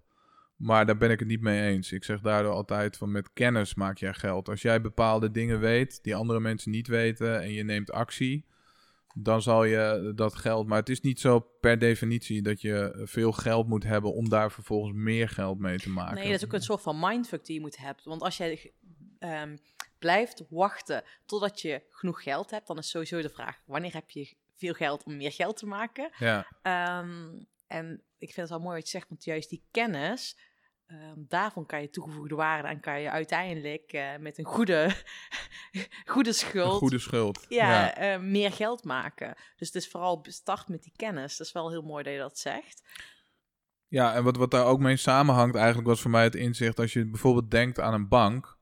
Een bank heeft er niks aan om geld op, de bank, op, op hun bankrekening ergens te hebben staan. Banken doen niks meer dan het verkopen, het verhandelen van geld. Dus die willen heel graag hun geld aan jou geven. En dat jij daar. Banken willen ook cashflow elke Ja. maand. En, en die willen daar ook gewoon rente over, Ja. over krijgen. En dat het geld in beweging eh, is. Dus eh, ja, maak daar gebruik van. Ik denk dat we in een tijd leven nu waarin eh, geld nog nooit zo makkelijk eh, beschikbaar is geweest en ook zo goedkoop is geweest natuurlijk. Of dat nou zo goed is, weet ik niet. Ik heb wel genoeg indicatoren wat ik zie dat ik denk van eh, als dit maar goed gaat en wanneer komt de volgende crisis. En, En, en waar zie je dat aan? Waar merk je dat aan? nou ja, als je kijkt naar de spaarrente natuurlijk, op, eh, die je krijgt bij de, de bank die zo belachelijk laag is, eh, dat je heel goedkoop eh, geld kan, kan lenen voor vastgoed, maar ook ja, in, in, in het algemeen. Dat je ziet dat heel veel landen weer de goudvoorraden aan het aanvullen zijn. Dat zijn meestal, goud is altijd de tegenhanger geweest van het geld, hè, om, om dat in balans te, te houden. Dan denk ik van, "Mwah, geld is eigenlijk op, vrij waardeloos op dit moment. En, Ja. en iedereen denkt dat het hartstikke goed gaat economisch. En dat gaat het ook natuurlijk als je het vergelijkt met de, de crisis. En er is waarschijnlijk meer rijkdom dan dat er ooit ge- geweest is. Maar het is wel één grote luchtbel. En de vraag is wanneer die gaat barsten en eh, eh, hoe hard. En eh, ja, Ben je erop voorbereid? Op dit moment nog niet, om het heel eerlijk te zijn. Maar zoals je hoort ben ik me er wel van bewust. En Mhm. eh, staat 2020 wel in het teken van eh, voorbereidingen treffen op. Want eh, ja, je wil natuurlijk je vermogen behouden. En je wil een stuk rust en zekerheid. En je wil zeker niet dat er tijdens een economische crisis ook een persoonlijke crisis bij jou ontstaat. Dus eh, ja, ik ben me erop aan het, eh, aan het voorbereiden. Ja. Heel mooi. En daar moet je ook de balans vinden voor jezelf van hoeveel risico kan en, en wil je nemen. En, en zorg vooral voor jezelf dat het, dat het veilig is. Ik maak me geen zorgen. Ik heb eh, mijn huiswerk goed gedaan. En ik weet dat de locatie van mijn panden goed is. Dat de verhuurbaarheid van mijn panden goed is. Dat er, eh, dus wat dat betreft hoef je je niet druk te maken dan over leegstand. Want ook dat is het mooie aan vastgoed wat je verhuurt. Ook tijdens een crisis moeten mensen ergens wonen. En er is op dit moment een, een woningtekort van 300.000 woningen in Nederland. Het is echt abnormaal Bizar. veel. Ja. En dat zal voorlopig ook nog eh, zeker zo, eh, zo blijven. En je ziet zelfs tijdens de laatste eh, crisis bijvoorbeeld dat tijdens een crisis de huurprijzen zelfs kunnen stijgen. Omdat er minder mensen zijn die een, een hypotheek eh, kunnen krijgen bijvoorbeeld. Want er is, ja, de banken die gooien het loket vaak eh, dicht, dus die moeten gaan huren. Dus daar maak ik me niet zo druk om. Maar je moet wel natuurlijk zorgen dat ja, de waarde van je woningen niet eh, te, te, te veel daalt. En dat je een zogeheten margin call krijgt van de bank. Of je even wat geld bij kan gaan, gaan storten. En begrijp ik het dan goed als dat gebeurt dat de waarde zo ver gedaald is dat je hypotheek, eh, of dat je te veel hypotheek hebt of iets dergelijks? Of wanneer is dat het geval? Ja, dan kan je dus een, eh, eh, of letterlijk een telefoontje krijgen van de bank of een, of een brief dat ze zeggen van hé hey, eh, meneer, mevrouw, we hebben u een bepaalde hypotheek verstrekt op basis van een bepaalde waarde. Alleen die waarde is zo erg gedaald Mhm. dat het onderpand, de woning die daar tegenover staat, is, is, is op, op dit moment minder waard dan, dan de lening die wij verstrekt hebben. Of die verhouding, daar voelen wij ons niet meer prettig bij. En eh, dat moet even aangezuiverd worden. En, maar als je de kleine lettertjes ook leest, wat, wat banken eigenlijk, eh, wat voor controle ze hebben en wat zij met jou kunnen doen. eh hè, zij kunnen bijvoorbeeld tijdens een crisis besluiten dat ze de rente gaan verhogen. En dan heb je of de keuze om weg te gaan en elders te financieren. Maar ja, zie dan maar eens tijdens een crisis voor dat voor elkaar te krijgen. Dus wat, wat voor een keuze heb je dan op zich? Ja. Dus ehm, wat dat betreft is het wel belangrijk om te zorgen dat die balans goed is. En dat je, hè, je, je kan lenen, je kan met slechte of met goede, eh, goede schulden hebben en met andermans geld geld maken. Maar eh, wees je wel bewust van het risico en eh, hefboom zeker ook niet te veel. Nee. Nee, en het kan, als ik jou zo begrijp, dat je bijna van een goede schuld een slechte schuld worden als, als ze in één keer aankomen bellen. Als, de, als er zo'n crisis instaat, dat is, eh, of dat, ze, dat je je eh, hypotheek bij moet vullen, of dat die eh, rentes in één keer omhoog gaan. Ja. ja, en dan kan je natuurlijk de vraag stellen van hè, wat, is dan, wat is dan veilig? Nou ja, als een vastgoedmarkt historisch gezien, maar ja, je weet het niet. Er, zijn ook, er kunnen natuurlijk ook nieuwe ontwikkelingen komen, maar zal het niet meer dan 20, 30 procent zakken. En als Ja. het heel veel daaronder gaat zakken, ja, dan zou ik zeggen, dan maakt het eigenlijk allemaal niet meer uit, want dan is het hele land eh Ja, ja. eraan. Ja. Ja. Dat is alles eraan, ja, dat heb je helemaal gelijk in. En Martijn, stel je voor, hè, de luisteraar zit nu te luisteren ehm, en die denkt, wow, wat jullie nu hebben zitten vertellen, echt super interessant wat Martijn eigenlijk allemaal doet. Ik zou ook wel eh, willen gaan onderzoeken eh, om meer met vastgoed aan de slag te gaan, of laten we zeggen, misschien eerst stap 1, om met je money mindset aan de slag te gaan. Wat is jouw eh, advies of tips die je concreet mee kan geven? Nou, wat jij eigenlijk al zegt, ga eerst met je, met je money mindset aan de, de slag. Eh, ga daar boeken over lezen. Ik adviseer meestal om gewoon te starten met Robert Kiyosaki. Eh, Rich Dad, Poor Dad, eh, wel bekend. maar dat, dat werkt, eh, ja, he- heeft voor heel veel mensen wereldwijd de ogen geopend. Of begin met boeken ook over, zoals The Secret. Dat, dat zijn ja, mooie boeken om mee te beginnen. En vraag jezelf af, eh, eh, vind ik het echt leuk of is het puur alleen om het, om, het, om het geld? Ik denk wel dat het heel erg helpt als je het eh, leuk vindt. En er zijn ook verschillende manieren waarop je vastgoed in kan gaan. Je kan het natuurlijk zelf doen, maar je zou er ook voor kunnen kiezen om wel in, in vastgoed te investeren, maar dan in fondsen. Dat je wel een goed rendement hebt, maar dat je er eigenlijk bijna geen omkijken naar, naar hebt. Alhoewel ik persoonlijk het heel erg leuk vind, eh, juist dat het, dat het tastbaar is. Dat ik weet waar het staat en dat het bestaat. Ja, want, de- want voor een fonds, eh, misschien wel goed voor de luisteraars, die, eh, daar, daar handel je net zo in als in een aandeel, toch? Dan kan je ook gewoon in plaats van dat ik in een ETF investeer, kan ik in een vastgoedportefeuille Ja. in- investeren. Klopt, klopt. En dan krijg je gewoon een bepaald rendement over. Maar ja, eh, je hebt niet dezelfde controle dan waarin geïnvesteerd wordt. En dat eh, vind ik toch wel fijn om te hebben en ook eh, heel, erg, heel erg leuk. Ja. Want daar hebben we het eigenlijk nog vrij weinig over gehad. Hè, wat, wat nou precies de, de voordelen van vastgoed zijn ten opzichte van, van andere beleggingen. En voor mij is dat eigenlijk echt ja, het feit dat het tastbaar is, dat het, dat het bestaat. Dat je er volledige controle over hebt. Want jij bent degene die bepaalt in welke stad je gaat investeren, welke prijs je eh, betaalt, eh, wie de huurders zijn die erin komen, et cetera. Ehm, ja, het is inflatieproof, hè, want elk jaar mag jij in juli eh, de huurprijs verhogen met het inflatienummer van het CBS. Plus een, een marge daarbovenop. Dus terwijl het geld van iedereen minder waard wordt, blijft jouw eh, investering gewoon groeien. Dat is wel echt super fijn. Want eh, veel mensen hebben het niet door, maar inflatie, dat is de grootste belasting die we betalen met z'n allen. Ja, wat zijn verder... Dat is wel eh, eigenlijk wel bijzonder wat je nu zegt. Je mag dus, in juli mag je dus gewoon de inflatiecijfer plus een marge. Ja, twee, Wordt- twee, maximaal 2, eh 2 procent. Mag je, de, mag je de huurprijs verhogen. Kijk, het is niet iets wat je moet doen. En als jij een nieuwe huurder hebt die in eh, maart, april je woning ingegaan is, dan moet je je ook afvragen hoe netjes het is om een paar maanden later meteen de huur omhoog eh, te gooien. Maar als je wil, eh, mag dat. Ja, Zo. ja. Ja, en natuurlijk op dit moment is het zo dat in, in box 3 eh, de, de- het be- belasting die je betaalt echt minimaal is. Zeker als jij eh, tegenover die, die WOZ-waarde in verhuurde staat een, eh, een hypotheek eh, hebt, hebt staan. Dat is wel iets wat gaat veranderen per 2022.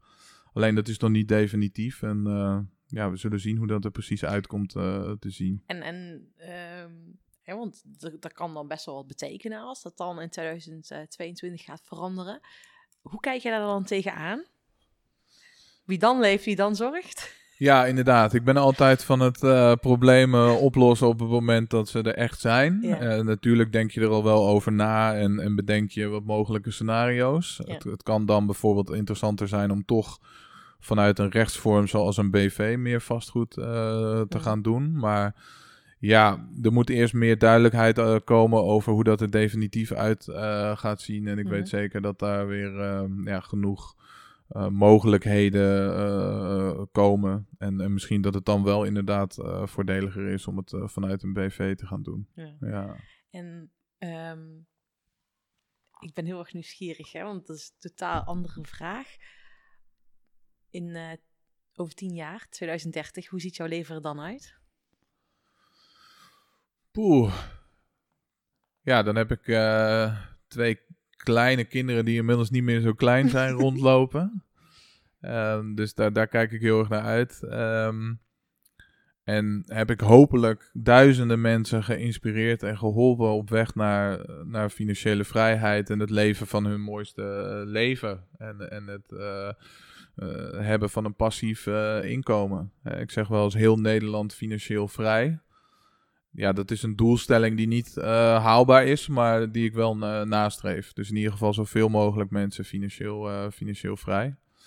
Ja, en zelf heb ik dan een vastgoedportefeuille van, van meer dan 100 panden. Dat is de doelstelling al voor over vijf jaar. Dus over tien jaar moet dat nog meer zijn. Alhoewel het niet om het aantal panden gaat, maar om de waarde van de portefeuille en de, de cashflow die het, die het brengt. Ja, en ik ben hopelijk gewoon een ge- gezond en gelukkig man. En eh, geniet van het leven en maak mooie reizen. eh, samen met mijn vrouw en, eh, en kinderen. En dan, ja. Ja. Wauw, klinkt heel mooi. Ja, Klinkt ook alsof het daar gewoon gaat lukken. ja. Ik, ik ga ervoor. Dus ik maak er een doel van. En in, mijn hoofd is het al, eh, is het al gebeurd. Dus eh, Ja. ja. Ja, maar dat is heel mooi. Zo werkt het. Hè? Als je iets in je hoofd hebt, dan kan je het ook gewoon realiseren. En als je, hè, die woorden heb je straks mooi gezegd. Als je er zelf niet in gelooft, wie zal er dan in geloven? Weet je? Ja. Dus begin daarmee. En dus voor de luisteraar, ga in je eigen droom geloven. Neem die serieus. spreek het uit naar anderen. Als jij eh, je doelen uitspreekt, dan ja, moet je ze halen, hè? want dan heb je het gezegd. Dus ja, Ja, en dat is wel heel mooi. Want ik merk als ik mijn doelen uitspreek. En eh, vooral op de takken van sport waar, waar ik misschien nog eh, nieuw in ben. eh, dan moet ik er ook altijd om lachen. Want dan ben ik soort van ehm, nog niet helemaal onder 100% overtuigd. Ja, maar dat is wel heel leuk, omdat, althans merk ik bij mezelf, als je het de eerste keer uitspreekt naar iemand anders, dan voelt het heel onwennig. En op een gegeven moment denk je, spreek het uit en denk je, oh, wow. Zit maar vind je dat niet, ook niet grappig hoe je daar ook in groeit en verandert? Ja, dat vind ik heel mooi. Ik vind het heel waanzinnig om te merken dat je dus op, geen, op begin bijvoorbeeld je droom uitspreekt. Ehm, hè, of bijvoorbeeld dat ik hè, als klein meisje zei ik vroeger al, ik word later huisjesmelker. En dan begon ik te lachen. En nu merk ik gewoon, oh, dan neem ik hem gewoon steeds serieuzer. En eh, op advies van jou zal ik het geen huisjesmelker meer noemen. Voor mij mag je, ja, maar ik, nee, ik, ik snap dat het voor veel mensen dat dat eh, heeft dat woord huisjesmelker of pandjesbaas toch wel een negatieve eh, bijklank. En, dat, dat type eh, verhuurders die hun huurders niet serieus neemt en hun panden niet goed onderhoudt. Dat is ook niet echt het type wat ik heel serieus neem of zoals ik wil, wil zijn. Nee, ik, ik was in mijn studentenhuis teruggekomen. Volgens mij heb ik het je verteld. Weet ik niet of ik het verteld heb, maar ik heb, Nee. ben in mijn... ik heb al in een studentenhuis gewoond. En ik ben daar dus na tien jaar ben ik weer teruggegaan. En ik kwam er toevallig in de buurt en dacht, ik moet naar mijn studentenhuis. En ik kwam daar binnen, echt precies hetzelfde als dat ik het daar achtergelaten had. Echt ongelooflijk. Gewoon, de keuken was hetzelfde. Er hingen dezelfde tekeningen aan de muur. tandenborstel stond er nog. Bij wijze van spreken wel, ja. Dat is zo bijzonder. Was, ja, die man die heeft ehm, een goed rendement op zijn studentenhuis gehad. Ja, ja, maar toch zie je ook heel veel beleggers die eh, eh, hun vastgoed eh, echt nou ja, behandelen eh, alsof het hun, die daar echt om, om geven. En kijk, tuurlijk, het gaat om, om het rendement, maar het is wel zo dat je echt ja, je, je, huurder serieus moet Ja. nemen. En als er bepaalde gebreken Ja. zijn, dat je die snel op laat, laat lossen. En, Maar daar geloof ik ook heel erg in. Op het moment dat je goed voor hun zorgt, Ja. dan krijg je dat ook terug. ja, Want jij vertelde net ook het stukje over ehm, het geld moet stromen. En nou, waarom ik hier nu ook even op inhaak, hè, het stukje wat je zegt, als je zelf de energie insteekt, ja, eh, geloof ik ook dat je dat terugkrijgt. Eh, ook met het stukje de relatie tussen, hè, tussen met je huurders. Ehm, maar daar ben ik nog wel even nieuwsgierig naar jouw visie op het stukje geld laten stromen. Hè? Jij zegt eigenlijk net heel mooi, geld moet in beweging blijven. Waarom kijk je daar zo tegenaan? Ja, dat, dat, zijn, dat zijn lessen die ik eh, ge- ge- geleerd heb. En eh, hè, denk aan eh, een, een, Dagobert Duck of een Scrooge. Of hoe meer jij je best gaat doen om wat je hebt te behouden en, en dat te, te verliezen, hoe eerder het bij jou, bij jou weg zou, Ja. zou, zou gaan. En ja, het klinkt misschien voor sommige mensen een beetje zweverig, dat, dat geld ook energie is. Ja. Maar ehm, ja, ik, ik, ik geloof daarin dat het gewoon continu in, in beweging ehm, moet zijn. En, eh, daarom ga ik ook echt voor die maandelijkse cashflow. Ehm, je hebt ook andere strategieën binnen het vastgoed. Bijvoorbeeld een, een bekende en wat mensen leuk vinden. En, en waar je ook televisieprogramma's van hebt. Dat is het, het, op, het opkopen van een woning die wat liefde en aandacht nodig heeft. Eh, die dan helemaal opknappen en vervolgens verbouwen. En er zit ook zeker heel veel handel en, en marge in. Maar ja, dan heb je één keer een, een, een eh, kip en ik wil elke maand een ei. Dat Ja. is zeg maar het, eh, waar, waar het om gaat. En, en, en dat ei heb je de komende 15 tot 20 jaar. Ja. Terwijl die kip, ja, die slacht je. En misschien dat met de volgende transactie dat je die kip alweer kwijt bent. Of Ja, dan zit het risico weer en je aan. geld blijft vastzitten in een woning als je hem niet verkoopt. Of, of als Ja. de, dus eh, ja. Een hele andere strategie. Hè? Dus Ja. dat is ook belangrijk van welke strategie past bij je. Ja, heel mooi. Volgens mij, Martijn, kunnen we nog wel uren doorpraten. Gaan we doen tijdens de, de workshop binnenkort. Gaan we sowieso doen tijdens de workshop binnenkort. Nou ja, voor de luisteraars, mochten jullie interesse hebben in een workshop van Martijn, ik zal hem hieronder in de. eh, ik, wil, ik wijs naar beneden, maar dat heeft hier dus geen zin. Maar in ieder geval, ik zal hem in de beschrijving erbij zetten. Ja. En is er nog iets waar je zegt van, voor de luisteraar, van nog één ding om mee te geven van, laten we daarmee afsluiten? Ja, we hebben, we hebben het de hele tijd over financiën en Ja. geld gehad. En, vastgoed is daar één middel voor. Maar er zijn meerdere manieren voor. Maar hoe dan ook, zorg alsjeblieft voor jezelf. We leven in een tijd waarin de, de overheid zich terugtrekt. Ik weet niet, geloof jij nog dat er AOW is tegen die tijd dat wij... Nee, nee. Ik weet het niet. Ik wil er in ieder geval niet op rekenen. Als het er wel is, dan is het eh, mooi meegenomen.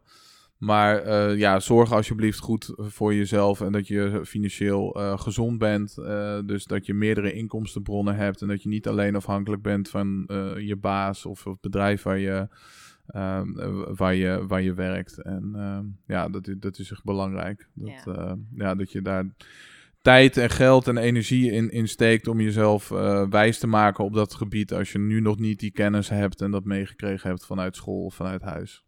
Ja, je ziet, dat vind ik heel mooi, wat je zegt, sinds 2018, februari 2018, en je hebt nu acht panden, volgens mij zei je dat. Ja. Ehm, dus het kan heel snel gaan. En eh, ik vind het heel mooi wat je zegt, mooi afsluiten van neem die regie en ga eens bij jezelf na. En daar ben ik zelf ook mee bezig, van joh, ik wil gewoon niet afhankelijk zijn, ik wil gewoon mijn eigen koers kunnen varen, mijn eigen koers kunnen rijden, gewoon zelf keuzes maken. En eh, ik denk dat dat stap nummer één is, hè. En dan kan je daar je eigen strategie eh, voor gaan ontdekken wat bij jou past. Klopt, ja. zorgt dat je uit die, die, die red race eh, komt en dat Ja. je gewoon je eigen koers kan varen. Ja. Ja. Of Ja. rijden in jouw geval. koers kan rijden. Ja, dat is eigenlijk wel mijn slogan. Op koers, je eigen koers rijden. Nou, dat is mijn ding. Maar eh, Martijn, dankjewel. Thanks voor het delen van jouw Jij ook bedankt. Bedankt voor het luisteren van deze podcastaflevering. Ik vind het zo gaaf dat je tot het einde bent gebleven. Nou, daar wil ik je natuurlijk ook voor bedanken. Ik wil nog twee dingetjes meegeven. Ga naar mijn website toe. Daar heb ik een toffe weggever staan waarbij ik je help vol energie je doelen te realiseren. Moeiteloos, recht op de finish af en ik help je zakelijk winnen zonder privé te verliezen. Nou, ik zou zeggen, ga eventjes eh, ja, naar mijn website en daar vind je deze gratis download. En ik help je dus echt mee om recht op de finish af te gaan. En daarnaast wil ik je vragen, want het is mijn missie om nog meer mensen, om duizenden mensen te inspireren met deze podcastshow. Dus maak even een screenshot, deel het op social media, tag mij. Ja, en ik vind het dan ook weer leuk om jouw verhalen weer te delen. Dus deel mijn inzicht, of jouw inzichten van deze podcast en dan zie ik deze ook weer voorbij komen. Dankjewel, een hele fijne middag, avond of ochtend toegewenst. En vergeet één ding niet, kom in actie, want daarmee ga je het verschil maken. Doei doei! Come on